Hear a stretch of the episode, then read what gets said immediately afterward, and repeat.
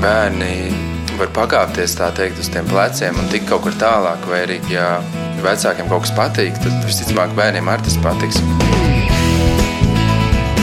Mēs tiekamies ģimenes studijā.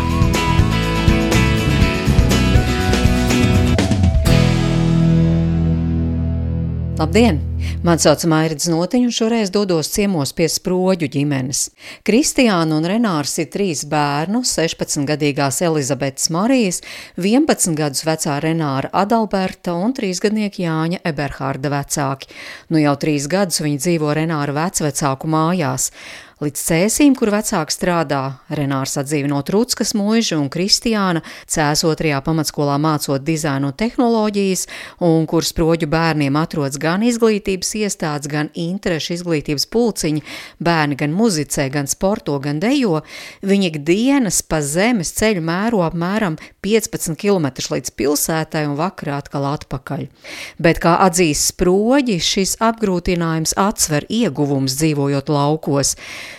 Visi novērtē mieru, klusumu un dabas tuvumu, kas ļauj tā pa īstam atpūsties. Cēsīs Renāru pazīst arī kā patriotiski noskaņot pilsētnieku, un tie nav tikai skaļi vārdi.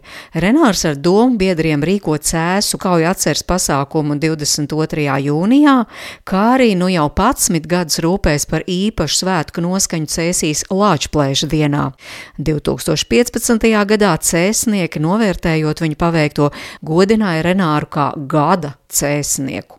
Bet, kad ierodos pie sproģiem, vispirms apskatām rekonstruēto dzimtes māju, kurā ģimene tagad dzīvo, un apspriežam kādu notikumu, kas satraucis ģimenes pastarīti Jāni. Visādi notikumi notiek. Kas tur ar to vistu? Jāni pastāst. Ko viss darīja? Viss bija beigta. Ja? Jā, pieta bija. Bija beigta. Nezinu, kādreiz jau tā notiek, vai kādu stikliņu apēd, vai, vai Ja tas Nu, nu, kaut kultūras kas. slānis ir pietiekoši liels, gadu desmitiem vai simtiem. Un, un tik pa brīdim tu pabrīnies, ka tur izvelk kādu stikla gabalu ārā, un tur jau tas nabaks līdz ar to viņa dziesma nodziedāta šīs zemes. Bet tad par šo māju kaut kas ir jāpastāsta. Pirmais, ko es redzu, ienākot eh, pretīm uz durvīm, ir dedzēt gaišu guni, laidiet dievu istabā, dieviņš brauc pār kalniņu sudrabotu mētelīti. Jā, tur bija ā, agrāk pieliekamais, un tad uh, mēs ar vīru domājām, ko varētu darīt ar, ar to pieliekamo. Ierīkojām tur garderobi, bet uh, gribējām atstāt maksimāli visu tādu autentisku un vecu. Un tad, uh, tad man bija tāda ideja, ka varētu tautas dziesmu uzrakstīt tādā vecajā rakstā. Un, Nu, tā tautas dziesma pati pie mums atnāca, par cik mums arī reliģija ir tuva. Un, un, un, un te savijās teiksim, tā reliģija un mūsu latviešu kultūra kopā.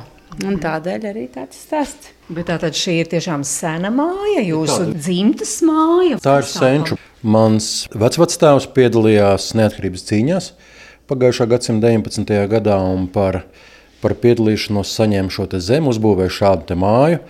Māja pat nepaspēja uzbūvēt patiesībā, jo viņš no karā gūtiem ievainojumiem ir pēc kaut kāda neilga laika. Un tad viņa sieva Alma, tā bija tā, kas uzbūvēja šo te māju. un Mēs pirms trīs gadiem pārnācām no pilsētas šejienu, un īstenībā praktiski tāda paša apjoma, tādā izskatā. Un, un tad viņi ieguva pilnīgi savādāku skatu. Un ir kaut kādas lietas, ko mēs atstājam, piemēram, nākot iekšā. Šajā vietā bija tolete, sausā tolete. Otrais stāvs kāpnes ir tāds pašs vecās palikušas. Bet nu, tātad toleti likvidējām, tad bija pieliekamais, un vecā māmai tad bija milzīgs tovers kāpostiem, skābētiem, to es no bērnības atceros. Un kas ir vēl interesanti, ko mēs tādas pāris lietas atstājām, vismaz mums šķita interesanti. Otrajā stāvā bija griezta sija lūzus, tad mēs siju nopartizējām, nu ne mēs, bet meistari. Bet šo te e, izliekumu, deformāto, apzināti atstājām, nu, lai izskatās tāds, kāds viņš bija, tāds autentisks. Un arī griezti nav gludi, bet kāds apmetums. Jā, tas ir kaļķa apmetums vecais. Arī pirmajā stāvā, tur, kur mums bija apmetums, meistars mums arī taisīja pēc vecās modes ar visiem skaliņiem un lika to kaļķa apmetumu. Atstājām tādu veco. Bet daudz plašāka tā māja ir. Jūs teicāt, tas ir tikai kaut kas palicis no tās Jā, jo senās, tas pirmais apjoms bija, man liekas, kaut kādi ap 80 varbūt kvadrātmetriem. Bet tad, tagad mēs uzbūvējām otro stāvu, bērniņus izbūvējām un piebūvējām. divas puses klāt, viena terasa un otra tā kā saimniecības mazgla, un ko es nepaspēju parādīt. Šis arī mēs izrakām ap 70 vai 80 cm dziļumā atraka veco to, to, to būvapjomu, un šis ir vecā vieta, kur vecais tēvs bija eh, skaliem atstājis akmeni. Tad izraka izcēla ārā, sabetonēja pa jaunu un šo arī atstāja, un pirmos divus gadus mums, kamēr nebija centrāla apkurta, mēs kurinājām ar, ar malku, un to pašu arī turpinām. Tad gadus simts jau tā kāds daudza skalas. mm -hmm, jā, bet apkārt mūsdienīgas flīzes. Bet jūs teicāt, jūs no pilsētas pārcēlāties uz šejiem pirms trim gadiem. No kuras pilsētas? No cēsīm. Es pats esmu cēsinieks. Dzimis audzes cēsīs, kādu brīdi dzīvoju Rīgā gadus piecus vai septiņus, kur aprecējāmies ar sievu un pārvācāmies cēsīm, dzīvojam cēsīs, un tad izdomājam, kad nāksim šeit. Jūs tā mīļi prāt? Līdzās cēsim, cik tur kilometri? 15. 15 km pa tādu mm. kārtīgu lauku ceļu ar bedrītēm. nu, viss kā pieklājas. Nebija jau patiesībā tik vienkārši. Mums bija tādi iekrājumi, un tad mēs domājam, kur mēs varētu viņus ieguldīt. Nolēmām nelaist eh, postā šo veco māju. Un tad mēs eh, sākām to pirmo stāviņu, domājām, izremontēsim. Bet tad sākās viss tas Covid laiks. Un tad domājam, nu, varbūt, lai, lai nejuktu prātā, kaut, kaut kas jāizdomā savādāks. Un tā mēs arī nolēmām pārdot pilsētas māju. Un tad bērni bija tie, kuri gribēja uz laukiem, jo otrs variants mums bija kurzeme. Bet nu, par cik ir ierasta vide, tad, tad atnācām uz laukiem. Nu, tad padzīvojām tādā maziņā mājā, tad sapratām, nē, vajag lielāku. Nu, tā jau viss aizgāja. Būvējāmies, būvējāmies un esam te. Un patiesībā es nevienu brīdi neesmu gatava mainīt neko pret pilsētu. Nē, man tā patīk dzīvot meža ielokā, un patīk, ka mums tās vistas ir. Tas arī piedod tādu lauku romantiku. Nu, te ir neatsverama daudz vairāk iegūmu kā pilsētā. Tas, saprot, bērni bija iniciatori, ka varētu nākt uz laukiem. Jā. Jā.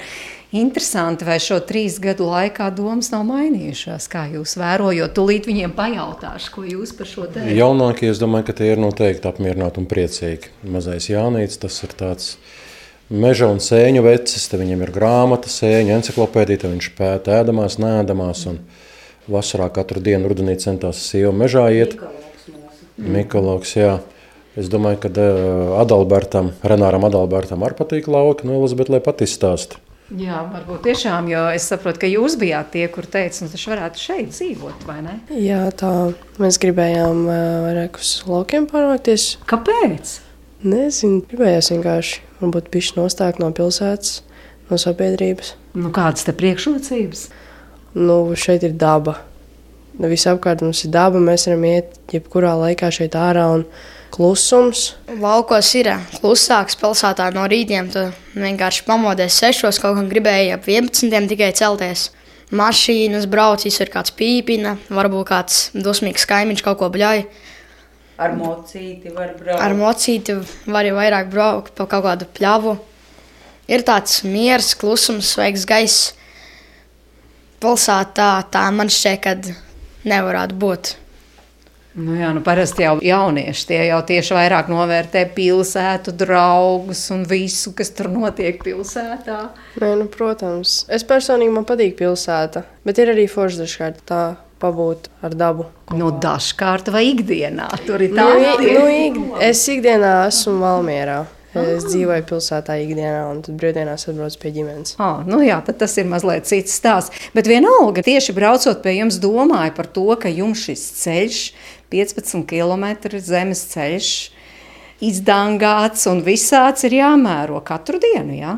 Taču bērniem ir jātiek uz skolu. Jā. Cēsīs es pieņemu, vai ne? Jā, bērni cēsīs mācās, Elizabete arī mācījās līdz šim cēsīs, tagad ar, ar vidusskolu pārgājas Valmieru.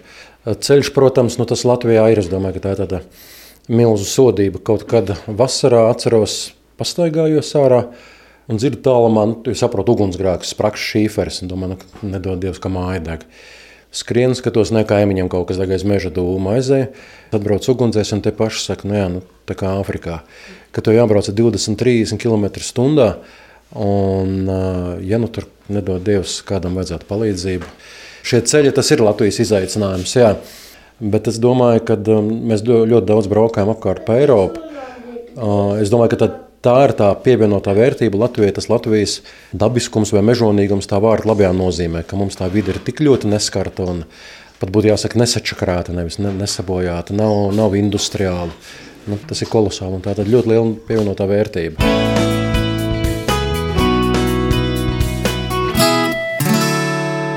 Bet nu, tā tad arī visa jūsu dzīve tagad ir galvenokārt šeit. Jūs šeit šiverējaties tajos laukos, vai tomēr darbs jums arī ir pilsētā?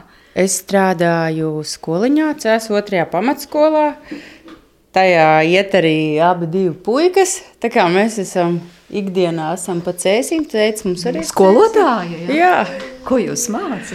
Es esmu dizaina tehnoloģija skolotāja un esmu arī kā skolotāja palīgs skolā, kas iet klasēs un palīdz skolotājiem. Nu, ne skolotājiem, patiesībā bērniem, kuriem varbūt grūtāk iet ar lasīšanu vai rakstīšanu ar maziņajiem. Tāds mierīgs, labs darbiņš, kuru var apvienot kopā ar, ar lauku dzīvi, jo te jau arī ir ļoti daudz darbi. It sevišķi rudenī, lapu laiks. Tiešām mierīgs darbiņš. Jā, man ir mierīgs darbiņš. Es nestrādāju uz pilnu slodzi, līdz ar to es neesmu tā tik ļoti izpumpējusies. Varbūt. Nu, man ir arī foršs kolektīvs. Tas arī ir no svara. Un jūs? Es strādāju Rīgā. Tā katru dienu jābrauc ar CS Rīgā. Joprojām Rīgā. Nu, tagad ir trīs nedēļas, kā saimniekoju Rutskas mūžā. Un uh, mēģinu pārdot biznesu. Nu, patiesībā biznesa ir praktiski pārdots, bet nu, kamēr līguma nav parakstīta, lai nav trakā braukšana, jo tomēr pusotra stunda viens plecs un trīs, četras stundas dienā būt pie stūres un celties 5, 6, lai tiktu Rīgā un 7, 8 mājās. Un neredzēt to, kā bērni izaug, nu, tas nav īsti mans sapnis. Jā. Nu, tā tad Rūtas mūžas projekts ir parādījusies informācija, ka mūža atzimst vai atdzīvojas. Es domāju, ka tad jums vairāk kaut kas jāpastāsta. Tā ir mūža, kas ir pašā cēsu centrā. Jā, tas ir pats pats. Tuvāk centram nav iespējams būt. No centra tas ir varbūt kādi 200 metri vai 300 blakus dzelzceļa stacijai. Rutskas mūžu, kurai ir 500 gadu vēsture, jo Stefana Batorijas laikā, kad te poļi valdīja, tad uzdāvināja tādam panam Rutskim vārdu. Diemžēl mēs nezinām, pieļaujam, ka varbūt Kazimirs ir, ja es nezinu. Pēc Rutska pa vidu bija vēl kaut kāda zēni un meitas. Pēdējais bija Brimers. Tas bija tāds nelāks pret latviešiem, nu, pat tur visādas leģendas klīst. Un tagad ar šā gada 1. oktobri saimniekojam mēs pavasarī minējām izsoli uz desmit gadiem. Nu, lūk, un tagad ļoti sirsnīgi ķeramies klāt pie, pie visiem darbiem. Ir komanda nodibināta. Bet ko tas nozīmē? Mēs, tas ir jūsu ģimenes īpašums vai kā? Nē, tas pieder pašvaldībai. Mums ir nomas tiesības. No pašvaldības ir kaut kādas zināmas lietas, ko mēs esam apņēmušies izdarīt pašvaldībai līgumā. Un es un mana komanda tāds vairāk domāts ar ģimeni tur sakara diezgan maz ir. Kāda bija Rutskas mūžas ikdiena līdz šim, un, un kādi ir tie jūsu plāni, ko jūs gribat tur izdarīt? Līdz šim tur saimniekoja Ieva Ubela. Viņi, manuprāt, ļoti jaudīgi strādāja ar mākslas rezidencēm, bet viņiem līgumā bija tā, ka viņi nevarēja nodarboties ar komerciju.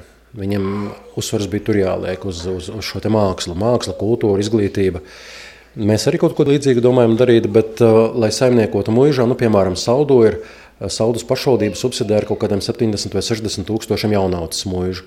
Mūža lielā mērā, ja, ja nav iespējama komercija nodarboties, tad tas ir subsidējums objekts. Tas nekad nevar būt pelnošs, jo nu, kultūra jau patīk tāda nav pelnoša. Tas ir, nu, diemžēl, bet subsidējami. Un mēs vēlamies, tā doma ir tāda, ka tas būtu tā tāds privāts, bet tā vārda labajā nozīmē kultūras nams, kā sajieta nams, Ja agrāk Hernhūtiešu vidzemē bija ļoti izteikts, kad bija šie sajiet vietas, kur nākt, tad mēs negribam konkurēt ar lielajiem, piemēram, Zeiti vai, vai, vai Dukuru rančo, kur ar mākslu nodarbojās ar kādiem koncertiem, teātriem. Mums ir doma tāda, ka mēs vairāk vēlamies ar vietējiem, ar vidzemniekiem, cēsu novadiedzīvotājiem, ar topošām uzlasošajām zvaigznēm, kuras varbūt pēc 5, 10, 20 gadiem dziedās vai spēlēs uz lielajām Eiropas vai Latvijas skatuvēm. Un tad tie būs tie, ar kuriem mēs kopā strādāsim un veidosim to mūsu programmu. Pirmie pasākumi jau ir notikuši, ir jau pamanījuši cilvēki. Ja? Mums bija dārza vainavu dizaineris Vinats Raziņas lekcija. Puszāle bija noteikti lielā piepildīta. veranda. Mums tāda uz 85 kvadrātiem ir. Atsaucība bija laba. 18. koncerts, pa vidu kāds meistarklases, bet mēs tagad paņemsim kaut kādu mēnesi, pusotru, kamēr mums pagāja trīs nedēļas, sapratām īsto stratēģiju, nu, kas mēs esam un kas mēs vēlamies būt un ko mēs vēlamies darīt mūžā. Tas, ko es vēlos, tad viena lieta, ka tā ir māksla. Ok, ziemā tie būs kādi koncerti un kaut kas tam līdzīgs. Pēc 11. novembra es vēlos ar, ar daļu no mūsu komandas braukt uz Austriju, Austrijā pirkt dzirnavas. Tur ir tāda interesanta kompānija, kas vairāk kā 50 vai vairāk kā 60 gadus ražo koku zirnavas. Ne kā ūdens, ne kā veids zirnavas, bet tādas, kuras ir nu, vai no nu mobilas, vai katrā gadījumā var pārvietot no to punktu A uz punktu B. Pat cik es esmu mazliet ielicis kāju durvīs lauksaimniecībā, griķus ar kolēģi Jāni audzējam. Un tad ir doma tāda, ka tā tad kā pievienota vērtība viens otram ir ka ir šī te, uh, lauksaimniecība, un no tā mēs kaut kādu pievienotu vērtību radām, nu, kaut kādu produktu. Tad mēs maļam grīķus, kaut ir doma, ka ilgtermiņā kaut ko ražot, vai tie būtu mušļi, vai tie būtu kādas spēka batoni. Nu, tādā virzienā. Un tajā, tajā zirnavās tad malstos, piemēram, jūsu griķus, jā, jā. un pārstrādās un tam līdzīgi. Nu, bet līdz galam jau tas tomēr nav jūsu, tā nav jūsu mūža. Jūs tikai nomājat no pašvaldības. Jā, tas būs tas izaicinājums tādā ziņā, ka nu, savi ir savi. Un, protams, ka pret savu tu attiecies, nu, kaut kādos tādos ieguldījumos tu saproti, piemēram, ja nu jānomaina jumts, kurš tēk, nu, protams, ka nomainīs. Bet uh, jumta materiāla izvēlē, ja tas ir tavs, un, protams, tu padomāsi, ka, ok, es savas dzīves laikā neatpelnīšu, bet nu, katrā gadījumā tas paliks bērniem, mazbērniem. Savukārt, ja tas ir nomas objekts, un tā dilemma ir ik uz soļa. Bet es domāju, ka mēs godprātīgi attieksimies pret īpašumu un veidosim to, kas mums šķiet uh, interesants, saistošs cilvēkiem, ne pašiem. Ja mēs vēlamies, lai tas būtu ja ne gluži 24-7 atvērts, bet lai tas ir tāds nu, kā kodols ap sabiedrību. Bet vīrs apspriedās uh, par to Rutskas mūžu, kad sākās šis projekts, un, un kāds jūsu viedoklis? Nu, mēs ar Renāru abi divi iemīlējām Vācu baltiešu kultūru, un tas mums sākās tieši ar Baltiešu gradzens ir tāda grāmata, fantastiska, un mēs viņu abi izlasījām, un tad mēs sākām ar vien vairāk un vairāk interesēties. Un bija brīdis, kad mēs bijām nolēmuši, pirms mēs pārvācāmies šo māju, ka mēs gribētu pirkt mūžu. Mēs meklējām visur, kur braukājām, un īsti tā neviena neiekrita sirdī. Varbūt kāda iekrita, bet tad atkal nebija paceļama. Bet tad mums pieteicās Jānis, un es mazliet no tās idejas tā pakāpos nost, bet nu, Renārs tomēr bija iededzies, un es jau visu laiku zināju, ka tas viņam patīk. Un, uh, mēs arī ar viņu kaut kad runājām, jā, cik forši būtu, ja viņam būtu iespēja tieši cēsīs kaut ko darīt, jo mēs esam visi šeit, un mūsu tā ikdiena rita šeit, un tas būtu tā lieliski. Un tad arī nāca tas konkurss, un, un, un tad jau nebija divi doma, ka viņam ir jāpiedalās. Un, un, un, jā, mani nekādā veidā tas um, neapgrūtina. Un, un man patīk, ka viņš tur darās, kad es redzu, ka viņam acis mirdz un viņš ir priecīgs.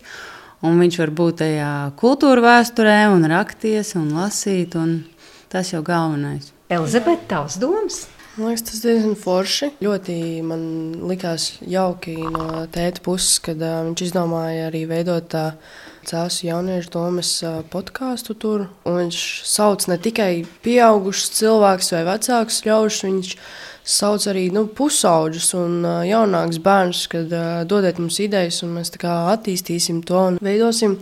Tas man likās ļoti jauki. Ir jau varbūt kādas idejas tieši par jauniešiem. Man skolā 4. kurs no Valmieras dizaina mākslas vidusskolas tagad uh, veido projektu. Viņi veido dizainu telpām.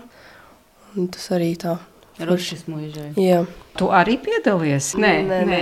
nē. Es, es vēl neesmu tik tālu tikusi. Bet varbūt es jau redzējusi, kādas tur tās idejas, kā jaunieši redz šādu mūžu, par ko var pārtapt. Diemžēl neesmu neko īsti vēl redzējusi. Mums uh, nav bijusi ne izstāde, nekas, jo vēl viss ir procesā. Kāpēc svarīgi jauniešus iesaistīt? Tā ir mūsu nākotne, kur ir jaunieši, tur ir vecāki. Un, un vispār es gribu lauzt to stereotipu, ka Latvijas ir tāds ziemeļniecisks viensētnieks. Nu, es domāju, ka jaunieši tie ir pirmie, kurus var ātrāk mēģināt pacelt. Un katrā gadījumā, ja viņiem patiks, tas pēc tam aizies. Mūžā mēs vēlamies uztaisīt ierakstu studiju. Un esam runājuši ar jauniešiem, ka tā būtu vieta, kur viņiem podkāstus taisīt. Mēs no savas puses meklētu moderatoru, Un, nu, tā būtu tāda vieta, kur viņi spriež un līdz tur ir sabiedrības spriež. Laba ideja. Mm, manuprāt, kad ir laba ideja. Cēsīs ir, protams, kaut kādi svētki vai arī kādi notikumi, kaut kas jau notiek brītiņam, bet kā ļoti bieži nav visi iesaistīti. Parasti ir kaut kādi pieaugušie vai arī vecāki cilvēki. Ļoti bieži nav nekādi jaunieši. Bet tagad Rutskas mūžā viss kaut kāda plāna ir, nu, idejas, kādas varētu taisīt. Pēc maniem viedokļiem, arī kad jauniešiem varētu būt kaut kas, ko varētu darīt. Es pie tēta kā bišķiņš strādāju, bet tā, tur ir tādi daudzi putniņi. Bija baloži, papagēlis, tur ir uh, amadīnas. Un uh, vienkārši viņiem ir apakšā tādas kā speciāli izveidotas putniem, kā granulas. Un tās tu vienkārši iztīri, ieliec ūdeni, dzērienu, Nu, vēl jums bija interesanti. Mēs pirms pāris gadiem Ivans mūžā saimniekojām. Un, uh, beidzām tieši aiz tā iemesla, ka ļoti grūti ir izbraukāt. Un, nu, ja tev trīs ap pusi, četras, varbūt četras, ne, bet trīs, trīs ap pusi stundas jābrauc līdz turienei, nu, tas ir diezgan sarežģīti. Nu, lūk, un aizpagājušo gadu tas bija kā reizes starp divām pandēmijas vasarām. Mēs uztaisījām Īvanlandi. Toreiz bija arī bija, bija tie paši putni, bija kaut kādi zvēri. Viss starpā mēs tur likām arī mūsu multimediju simbolisms. Un, nu, tāda vieta, kur ģimenei būtu kopā. Un tad mēnesis pats kopā ar bērniem dzīvoja. Jā, bija tikko likām Jānis Zimis. Mēs ar bērniem dzīvojām Īvandē. Un tad gan uh, Renārs nāca ar, ar dažādām idejām, ko viņam liekas, kas būtu bijis pareizi. Un, nu, ko atkal varbūt tur liekas, ka tas vairāk ir vecūkšņiem paredzēts, nevis, nevis bērniem. Ja? Vecūkšņiem tādiem kā es, piemēram, ja? ne 15 gadīgiem vai 10. Tad tur idejas bija. Jā. Man jājautā dziesmas. Kuras jūs gribētu, lai atskaņo šī raidījuma laikā, kuras ir jūsējās, kuras jūs klausāties un kuras jūs piedāvātu paklausīties arī mūsu klausītājiem? Nu, ja pa patriotismu mēnesi, tad uh, mums ar Adalbertu patīk uh, Ešenvalda dziesma.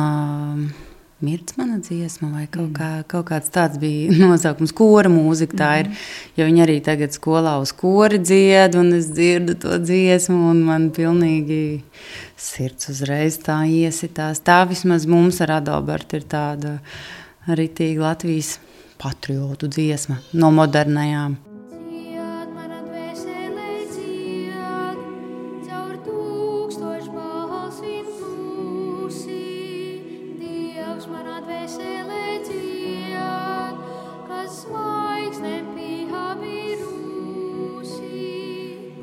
Ģimenes studija šodien viesojas pie Kristiānas un Renāras proģiem, un viņi ne tikai strādā un kopja savu lauku sētu, Renāram ir būtiski ko labu darīt arī sabiedrības labā, un tas, ka jau daudzus gadus cēsīs lāčplēša dienu izdodas atzīmēt emocionāli un kāpinot patriotismu garu, ir tieši Renāra nopelns. Sarunā piedalās arī viņu vecākie bērni Elizabete Marija un Renārs Adalberts, bet jaunākais Jānis Eberhards iztiek bez vecāku uzmanības apliecinājumiem un vienatnē spēlējas.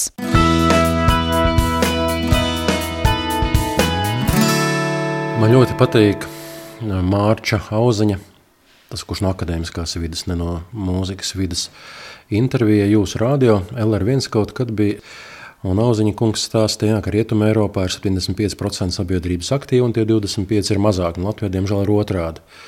Nu jā, es domāju, ka katram vai lielā mērā daudziem vajadzētu censties būt eh, aktīvākiem, tad arī tā dzīve būs interesantāka. Tas ir par to, kāpēc es tā daru, tas, ko es daru.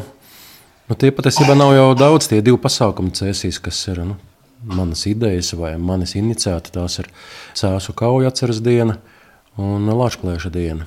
Jau no 15. gada šo Cēzu kauja atceras dienu cēsīs veidoja. Un daudz neticēja, ka 19. gadā uz kauju simtsgadi, ka 22. jūnijā atnāks cilvēki. Jo ļoti daudz arī politiķi teica, nu, klau, bet tas taču laiks, kad pirmslīgo dienu pusi latvieši būs jau piedzērušies. Nu, ja ne piedzērušies, tie būs tādās vieglās burās. Mēs pierādījām, ka nē, mūs apmeklē 20,000 cilvēki. Tātad sēskauja atceras diena. Tā ir diena pirms Jāņiem. Kā tā notiek? Kā, kā jūs to organizējat?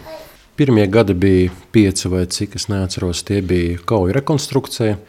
Novienojos ar konstruktoriem un izspēlējām Landesvēra cīņu pret uh, Igaunijas Latvijas apvienoto karaspēku.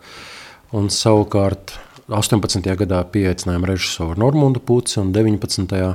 Kristu Burānu. Tad jau taisījām nu, jau tādu nopietnu pasākumu ar kaut kādiem saturiskiem motīviem, lai nav vienkārši, ka tur puiši izkaujās savā starpā, bet tā, lai ir interesanti pa cēsu kaujām. Lāča plēšdiena. Lāča plēšdiena pirms gadiem kaut kādiem 15 vai varbūt bišķiņu vairāk uh, izveidoja ar savām māsām Latvijas karoga kontūrus pilsparka kāpnēm un skatoties to cilvēku lielo interesi, kas nāca un bildējās un mašīnu jūra stāvēja pie, pie stāvvietas, pie parka. Domāju, ka nākošais gads ir jāmēģina uztaisīt, lai tā sabiedrība patiesaist. Izveidoja kontūru, un tad bija kaut kādi četri gadi, bija tādi, kas bija tāda taustīšanās, nu, ko tur taisīt tajā riebīgā novembra mēnesī, jo nu, ārā ne ta ziema, ne ta vasara, ne ta rudens, nu kaut kas tāds. Nu, kā lai cilvēki ilgāk uzkavējās, un kamēr beigās 12. gadā sāk sadarboties ar mākslinieku Māri Kalvi, un katru gadu uz pils aizmirst ziemeļu, laikam torņu uz vienu no pils vecajiem torņiem mēs rādām stāstu, un tad stāsts vidēji 5 minūtes. Cilvēki ir lūgti ielikt savu svecīti Latvijas kontūrā, lielajā, tur vairāk kā 500 sveču kontūru.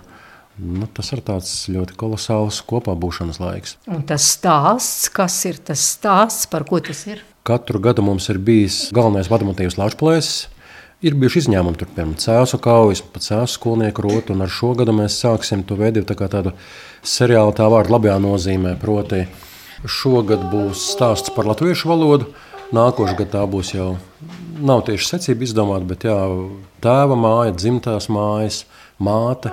Un tad veidot šādu apli, sižetisku. Nu, kā to stāstu var izstāstīt? Varat kaut kā paraksturot? Es jums varu parādīt. Jūs būsiet ekskluzīva iespēja pirmā redzēt, kas būs šajā gadā. Wow! Citiem vēl tas nav bijis iespējams. Nav video projekcija, ja tā ir. Jā, uz torņa tikai šis. Nebādāju piekusus, šis būs tornis. Priecājos nodzīvojis te. Lai piekusta Viss lielais tornis. Rokas, valodiņa nepiekusta. Valoda valodiņā. Tā izpauž tavus pieredzējumus, domas un jūtas. Pieredzētais, domātais un justais paliek zināms tikai pašam. Vārdos izteiktais kļūst zināms citiem. Šis ir kā punkts uz zīmes. Skaties, kur vistuvāk liecas zemē pāri debestiņa. Ja tev ilgas turpu tiecas, nāc, tur mana istabiņa. Ērkšķi, kas tev rokās durtu, nesastapsi tur nevienu. Itin kā no burvija burtu, redz tik apkārt rožu sienu. Skaties, logā spīd tur iekšā zaļā sapņu uguntiņa. Ārā mājas durvju priekšā sēdus sliekšņa pasaciņa. Ja tev nav tālākais, paliec patriecies ar viņu. Skaisti, vai ne? Jā, skaisti. Bet uh, kāpēc šoreiz valoda? Tāpēc, ka man liekas, ir uh, vispār ļoti svarīgs brīdis patreiz ģeopolitiskais, nu, ka par to ļoti jārunā. Par mums, par mūsu valodu, tas ir tas, ko politiķi neizdarīja 90. gados. Un kā tagad mēs dabījām arī varbūt līdz ar to dzīvot arī paši šeit kaut kur spulbera mucas Latvijā. Par to jārunā vienkārši. Varbūt jūs varat pastāstīt par šo lāčplēšu dienu. Nu, man liekas, tas pasākums ir tāds, ka to patriotismu liekas, var izjust līdz kaulam. Tā kā jā, ārā tāds nelabs laiks, nesmugs, bet, bet tā sajūta, ka tur ir tie vairāk tūkstoši cilvēku un tās svecītas noliek. Un plus vēl uz pilsparka tā projekcija, kur atdzīvojās pēkšņi tas tornis. Un tad tur uh, parādās, kā jau kurā reizē, tad man patīk, kad apvijās lielvārds jostas apkārt tam tornim, vai tur atkal važas apvijās, un kā mēs latvieši viņus salaužam. Grūti tā izstāstīt vienā vārdā, vajag atbraukt, apskatīties 11. novembrī. Bet nu, tie tādi ļoti grandiozi, kad nu, vienmēr raudāt gribās, kad tā sajūties iekšā sirdī es esmu latvietis. es domāju, ka sievietes noteikti no visus šos 11 gadus, kā ar multimēdijas, es domāju, ka procentiem nu, 30 vai 50 ir Mikls acis, to jau nevar neredzēt. Nu, tā tad, lai top. jaunieši, kas palicis prātā? Runājot par pagājušajiem gadiem, visvairāk man palicis prātā vienkārši tā sajūta, ka tu biji, ka tu redzi, ka tev citi cilvēki riņķi daudzi pazīstami, ka vienkārši paņem tēju, iedzer kādu svecīti, iededzina, noliec ļoti aizkustinoši. Bet no tām vizualizācijām es saprotu, ka katru gadu ir cits temats, kas tev šķita tāds visinteresantākais. Neatceros, kurā gadā īsti tas bija, bet visinteresantākais man šeit bija kā bruņinieks, kurš šeifu atvēra. Interesanti bija skatīties ļoti. Un tev vēl Elizabete?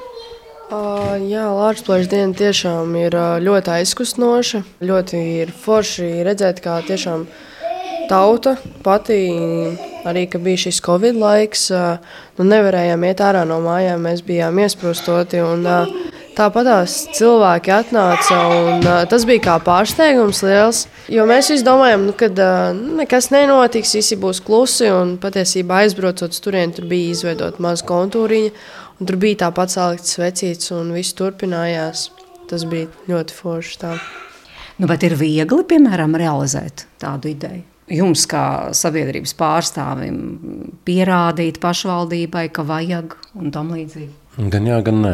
Es domāju, kā, kā diplomātiskāk, jā, ko, teikt, ko nevajag teikt labāk.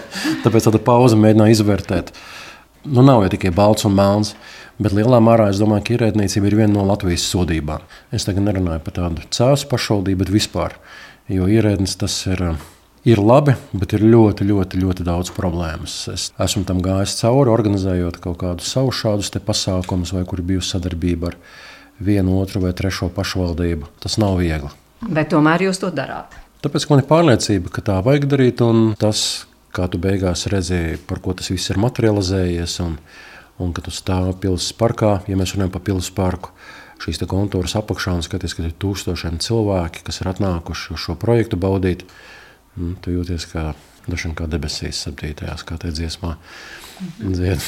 Nu, tas patriotisms tātad, tas ir jūsējais, tas ir jūsu ģimenē, vai ne? Nav tikai kaut kāds skaists izdomāts vārds, bet tas ir tāds reāls vārds jums. Jā, tas mums ir visreālākais vārds. Arī mums tur var redzēt tādu kā dzimtas koku. Un tas jau arī kaut kādā ziņā tās grūtības dzīvojot šeit, laukos, bet tomēr palikt dzimtas mājās. Jo, kā Renārs teica, mēs šeit esam ceturtā paudze, bērni būs piektā paudze. Tas jau arī ir nu, tāds patriotisms, tāpat esam domājuši. Šeit tad nāk tādas melnās domas, ka vajag emigrēt, bet uh, tomēr paliekam un cīnāmies. Un, Un, man liekas, tas arī tas patriotisms un, protams, vēstures mīlestība un Renāra šīs aktivitātes sabiedriskās, tas jau vēl vairāk pastiprina. Elizabete, tu to arī kaut kā izjūti, ka tu nāc no tādas ģimenes? Mm, es domāju, ka jā, es varu to sajust, ka tiešām katri Latvijas svētki tiek atzīmēti un arī, kad iesaistamies šādos pasākumos kā ģimene virzītāja spēks, tad ir tēvs jūsu ģimenē, jā, šai ziņā. Jā, es tā teiktu, ka tēvs ir mums virzītājs. No kurienes tas nāk? Varbūt ģenētiski kaut kā no kaut kādām paudzēm pirms tam, es atceros pirms gadiem 17 vai 20, kā vecā mamma vēl bija dzīva. Viņa teica, vēl pat nebija ne mazākā mērā domas, ka šeit varētu dzīvot. Es biju tikai pirtiņu tur uzbūvējis. Un viņa teica, Renāra, šī vieta ir, es neatceros tieši kā, bet ideja tāda, ka Renāra šī vieta ir senču tūkstošiem soļu izstaigāta un labu domu izdomāta, nu, ka te ir pēctečiem visiem labi dzīvot. Pagājuši ir jau daudzi gadi, es tomēr to atceros un domāju, ka tāds arī ir un tas kaut kādā veidā. Jo bērnībā man nebija nekāda Ziemassvētka, nebija nekāds 18. novembris. Tie tomēr bija padomu laika mana bērnība. Tad nevarētu teikt, ka tagad man mācīja Reku mums vēl kam ārā no pagultas sarkanbalts sarkano karogu, aizklājam logu ar aizkariem un tagad dziedam patriotiskas dziesmas. Tā tas nebija. Bet es domāju, ka tas iekšā tāpat ir bijis. Mans tēvs bija viens no pirmajiem. Tad, kad Bruka Savienība, tad mm, Cēzis bija pirmā vieta Latvijā, kur karogu uzvilka sarkanbalts sarkano. Viņš bija pirmais vai viens no pirmajiem, kas savā uzņēmumā, kur bija simts darbinieki, autotransporta, dibināja Latvijas Tautas fronti. Nu, Tātad tas kaut kur ir iekšā sēdējis un kaut kādā brīdī ir vienkārši izšāvis. Es tā gribētu domāt. Manā mamīte ir latviešu valodas skolotāja. tas jau arī daudz ko izsaka. Arī 11. novembrī vienmēr ir tā svecīta dedzināta. Es tā varbūt līdz galam nebiju apzinājusies šo patriotismu, bet, te, kad mēs iepazināmies ar Renāru, tad jau 11. novembris kļuva par mūsu ģimenes galvenajiem svētkiem. Arī man vienmēr ir interesējuši tautas dziesmas, folklora. Tur jau arī viss tas mūsu latviešu kods slēpjas iekšā. Bet jūs arī tiešām svinat. Nu, labi, viena lieta ir cēsīs eh, šis pasākums, bet pēc tam mājās ir kāds turpinājums. Jā, šogad mums būs pat liels viesības. Nē, mēs svinam, mēs katru gadu svinam, un tas ir arī viens no iemesliem. Es arī teicu savus mīļās draudzenes un radus, un, un, un Renāra radus esam sāicinājuši, jo tieši Man liekas, novembrī mums nekādas svētki nav, nu, tādas dzimšanas dienas. Un tad ir tāds ļoti garš ziemas periods, ka mēs netiekamies. Un, un tieši 11. novembris ir superīgs laiks, lai mēs visi satiktos, nosvinētu Lāčplēšu dienu par mūsu varoņiem. Kam pateicoties, mēs šeit esam. Un, un, un, jā, un mēs reāli svinam, svinam ar galdu. Un, un, un, Visu kaut ko garšīgu sataisām. Es te blakus eh, mājā esmu pasūtījusi lielo torti. Mums ir viena tante, kas cep burvīgas lauku tortes. Un tie rīznieki, jau nav tādus gardumus ēduši. no īstajām lauku olām un visiem produktiem. Nu jā, ne, nu jā. Pienāks.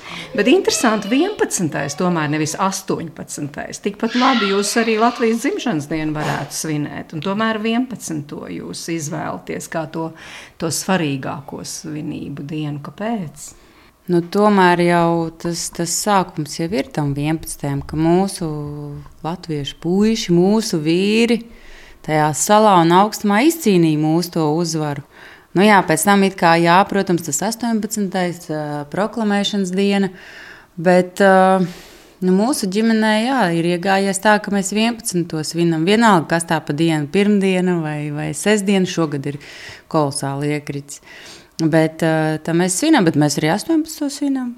Mums ir dubulta balle. 11. tomēr vairāk, jo ja nebūtu ja nebūtu 11. nebūtu arī nu, šīs Latvijas. Tas arī ir skaidrs.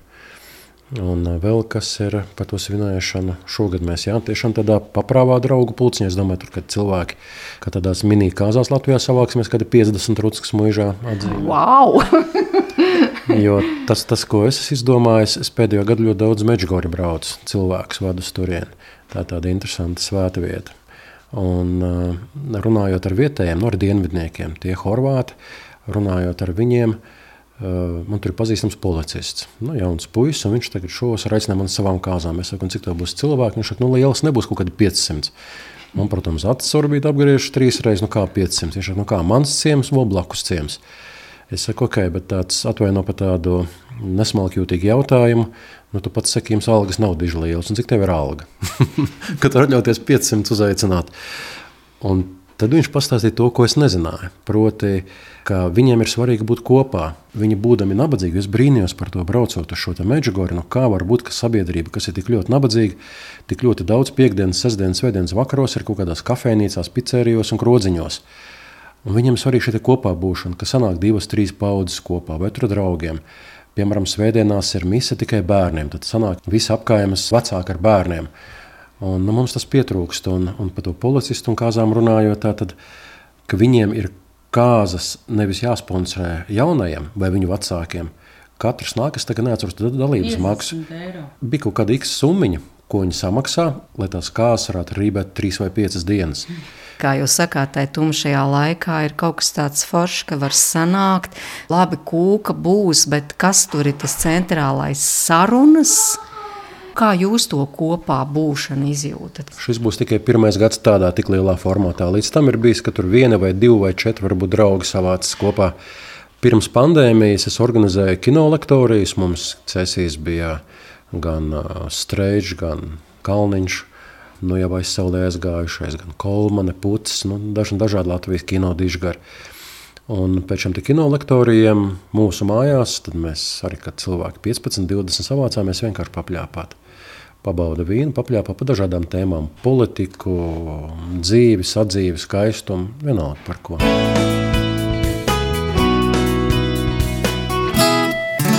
Jā, bet nu, ir vēl tā otrā lieta, kas, es saprotu, jūsu ģimenei ļoti svarīga. Jūs esat ticīgi. Tautas dziesmu rinda jau ienākot jūsu mājā par to liecina. Vienmēr tā ir bijis.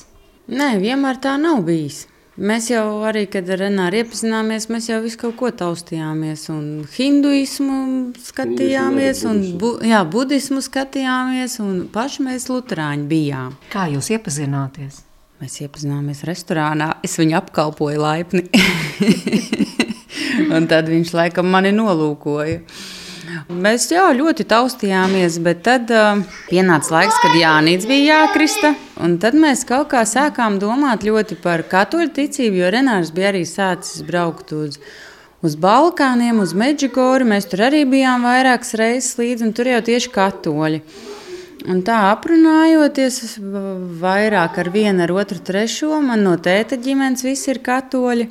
Mēs sapratām, ka laikam mēs gribam vairāk iet tajā reliģijā un izvēlējāmies pārkonvertēties uz katoļiem. Jo mums patīk, ka katoļiem ir tas, ka tās prasības mazliet stingrākas, ka tev ir vairāk jābūt baznīcā, vairāk lūkšanās, ka tu nevari tā plūst.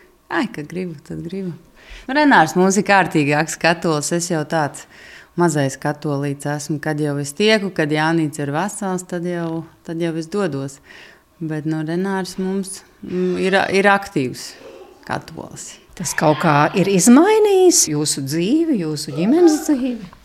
Es domāju, ka jebkuram kristietim vienalga, vai tas ir luterāns vai katolis, nu, tomēr tu dzīvo pēc kaut kādiem Arī došana nav jābūt obligāti kristietim. Ir svarīgi, ja tu dzīvo pēc kaut kādiem tādiem kanoniem, saprotamiem un saprātīgiem, tad tas jebkura cilvēka dzīve izmaina. Manā jau tieši jā. Ir kaut kādas lietas, kuras es vēlos sevi vairāk ziedot vai dot sabiedrībai. Un es domāju, ka katram cilvēkam iespēja robežās nu, kaut kādas tādas harizmas. Nu, kurš varbūt ir ļoti labs tulks, kurš ir labs politiķis, kurš ir labs uzņēmējs, ja vēl kaut kas. Un katrs no mēs esam labi kaut kādā savā jomā. Un tad ir forši, ja tu vari arī kalpot citiem, jo es tā esmu domājis, nu, piemēram, kasieri, jebkurā no Latvijas pārtikas veikaliem, un kasieri kaut kādā Norvēģijā vai Francijā. Kāpēc viņai šeit ir jāsaņem tik maza alga? Ja mēs lasām, ka piemēram tie paši mazumtirdzniecības tīkli pelna ārprātīgus miljonus, nu, tā, tad es domāju, ka tur kapitālisms varbūt pats pēc definīcijas nav nekas īsti foršs, bet nekas labāks un izdomāts. Un šī kristietība tomēr nu, kaut kādā veidā tev māca, ka tev nevajag visu sev raust. Tāpat tu tur nepaņemsi visu līdzi, ko tu šeit sarausīsi. Jā, nu, es domāju, ka arī reliģija palīdzēs arī mūsu laulību noturēt, jo, nu, kā jau visiem augšā un lejā iet, ir savu kāpumu, savu kritumu, bet reliģija ir tā, kas uh, liek cīnīties un palikt, jo vieglāk jau vienmēr ir izšķirties. Un, Man, piemēram, reliģija man ļoti palīdz skolā. Es arī nu, bieži, kad lūdzu Dievu, saku, nu, palīdz man uz tiem bērniem nedusmoties un tā ar, ar mīļu sirdi un visus viņus uzlūkot vienādi. Un, man liekas, tā Dieva mīlestība arī ir tā, kas palīdz tādā ikdienā. Palīdz arī uz savējiem trim. Nedusmoties uz viņiem. Nu, tad es kaut kā dažreiz aizmirstos, protams, uz saviem, bet uh, mēs jau ne, neesam mēs tādi baigi vardarbīgie kliedzēji. Parasti jau cenšamies kaut ko sarunāt, bet uh, Es domāju, tā, tas, ko arī Renārs teica, tie, tie kanoni, pēc kā dzīvot, un nu, nedarīt otram to, ko pats negribi, nu, nezakt vai nerunāt sliktu par mātu un tā, un visi tie baušļi. Ja, ja tu viņus iedzīvini savā ikdienā, tad tas tev palīdz. Palīdz pašam būt labākam un nekaunēties Bet par to, nav, kāds tu esi. Tas nav viegli, un teiksim, tāpat ir cilvēka aprunāšana. Jā. Jo patīk jau paklačoties.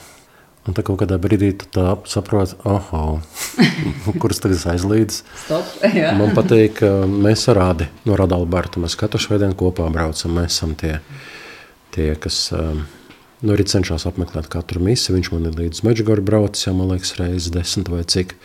No trīs gadu vecuma kāpjas tajos kalnos, kas tur, kur diamāti parādās, un, un Krusta kalnā lielajā augstajā. Šajā gadā, kad bijām vasarā, viņš ar basām kājām pa tiem šķautnaiņiem, nu, tādiem asajiem akmeņiem kāpa gan augšā, gan lejā. Kas man patīk, mēs šajā svētdienā braucām uz misi, uz Siguldu ar viņu. Un viņš pa ceļam stāsta klases biedri. Labi, tur konteksts tāds cits, ja viņi bija klīduši pa kaut kādu cēsu, piecās pamestas mājas, un, un tad viņi bija pamanījuši nu, kaut ko, nu, kas varbūt ne tik ļoti labs. Un tad viņam klasbiedri prasījuši, ka varbūt āda sāca skaitīt lūkšanu tēvreiz, jo viņam šķits, ka varbūt ir kāds spoks. Un kā tu pret spoku, nu, tikai tā jācīnās. Ir laikam krāsla bijusi, un tad, un tad interesanti, ka viņš tagad ir klases biedriem arī mācījis, nu kā tēvreiz, jo viņi viena daļa nav zinājuši. Un, un pēc tam prasīja, tur viens puisis nevar līdzi uz Meģikoru braukt, nu, ka tas tā kā gribētu. Uz mīsi vienreiz atbrauca viens līdzi klases biedrs. Tad atkal viens klases biedrs prasa, nu, ko tu tur dari tajā baznīcā, kas tur notiek? Viņš saka, nu, atbrauc līdzi, apskaties. Jā, jā, jā. Bet nu, forši ir tas, ka um, Adalberts mums ir tāds līderis, varētu teikt, un uh, pēc savas dabas. Un, uh, viņš var iznest šo reliģisko prizmu klasē, bet nu, ir jau bieži, kur par to tā iesmē, bet viņš tā ļoti stingri turās. Nu, pat neturās, viņam vienkārši ir tāda nostāja. Un tad tie puiši arī sāk ausīties, kas tur ko tur. Nu, tas, kurš nezina, ir jau arī kristīgas ģimenes mums apkārt. Paldies Kristiānai, Renāram, Elizabetei Marijai un Renāram Adalbertam Sproģiem par sarunu. Paldies arī Jānim Eberhardam par līdzās būšanu, un jums paldies par klausīšanos, saka ģimenes studijas komanda Sarmīt Kolāt, Nora Mitspap un Esmairdz Notiņa, lai lāčplēša dienā ir kāds emocionāls mirklis, kad asaras acīs, un Renāram vēl aicinājums izvēlēties raidījumu izskaņas dziesmu. Olivers Dragojevičs, nu tā atkal ir tāda, manuprāt, ne tikai man un manai ģimenei pēdējā gadā tāda topa dziesma, bet vispār jebkuram cilvēkam, kuriem mēs kopā braucam, tas ir reizes divos mēnešus uz Meģigori. Man liekas, ka tā ir klausām ne tikai Horvātijā, bet, bet vispār visur. Un tā būtu tāda mana dziesma, ko es izvēlētos klausītājiem. Kā uvijek gledam more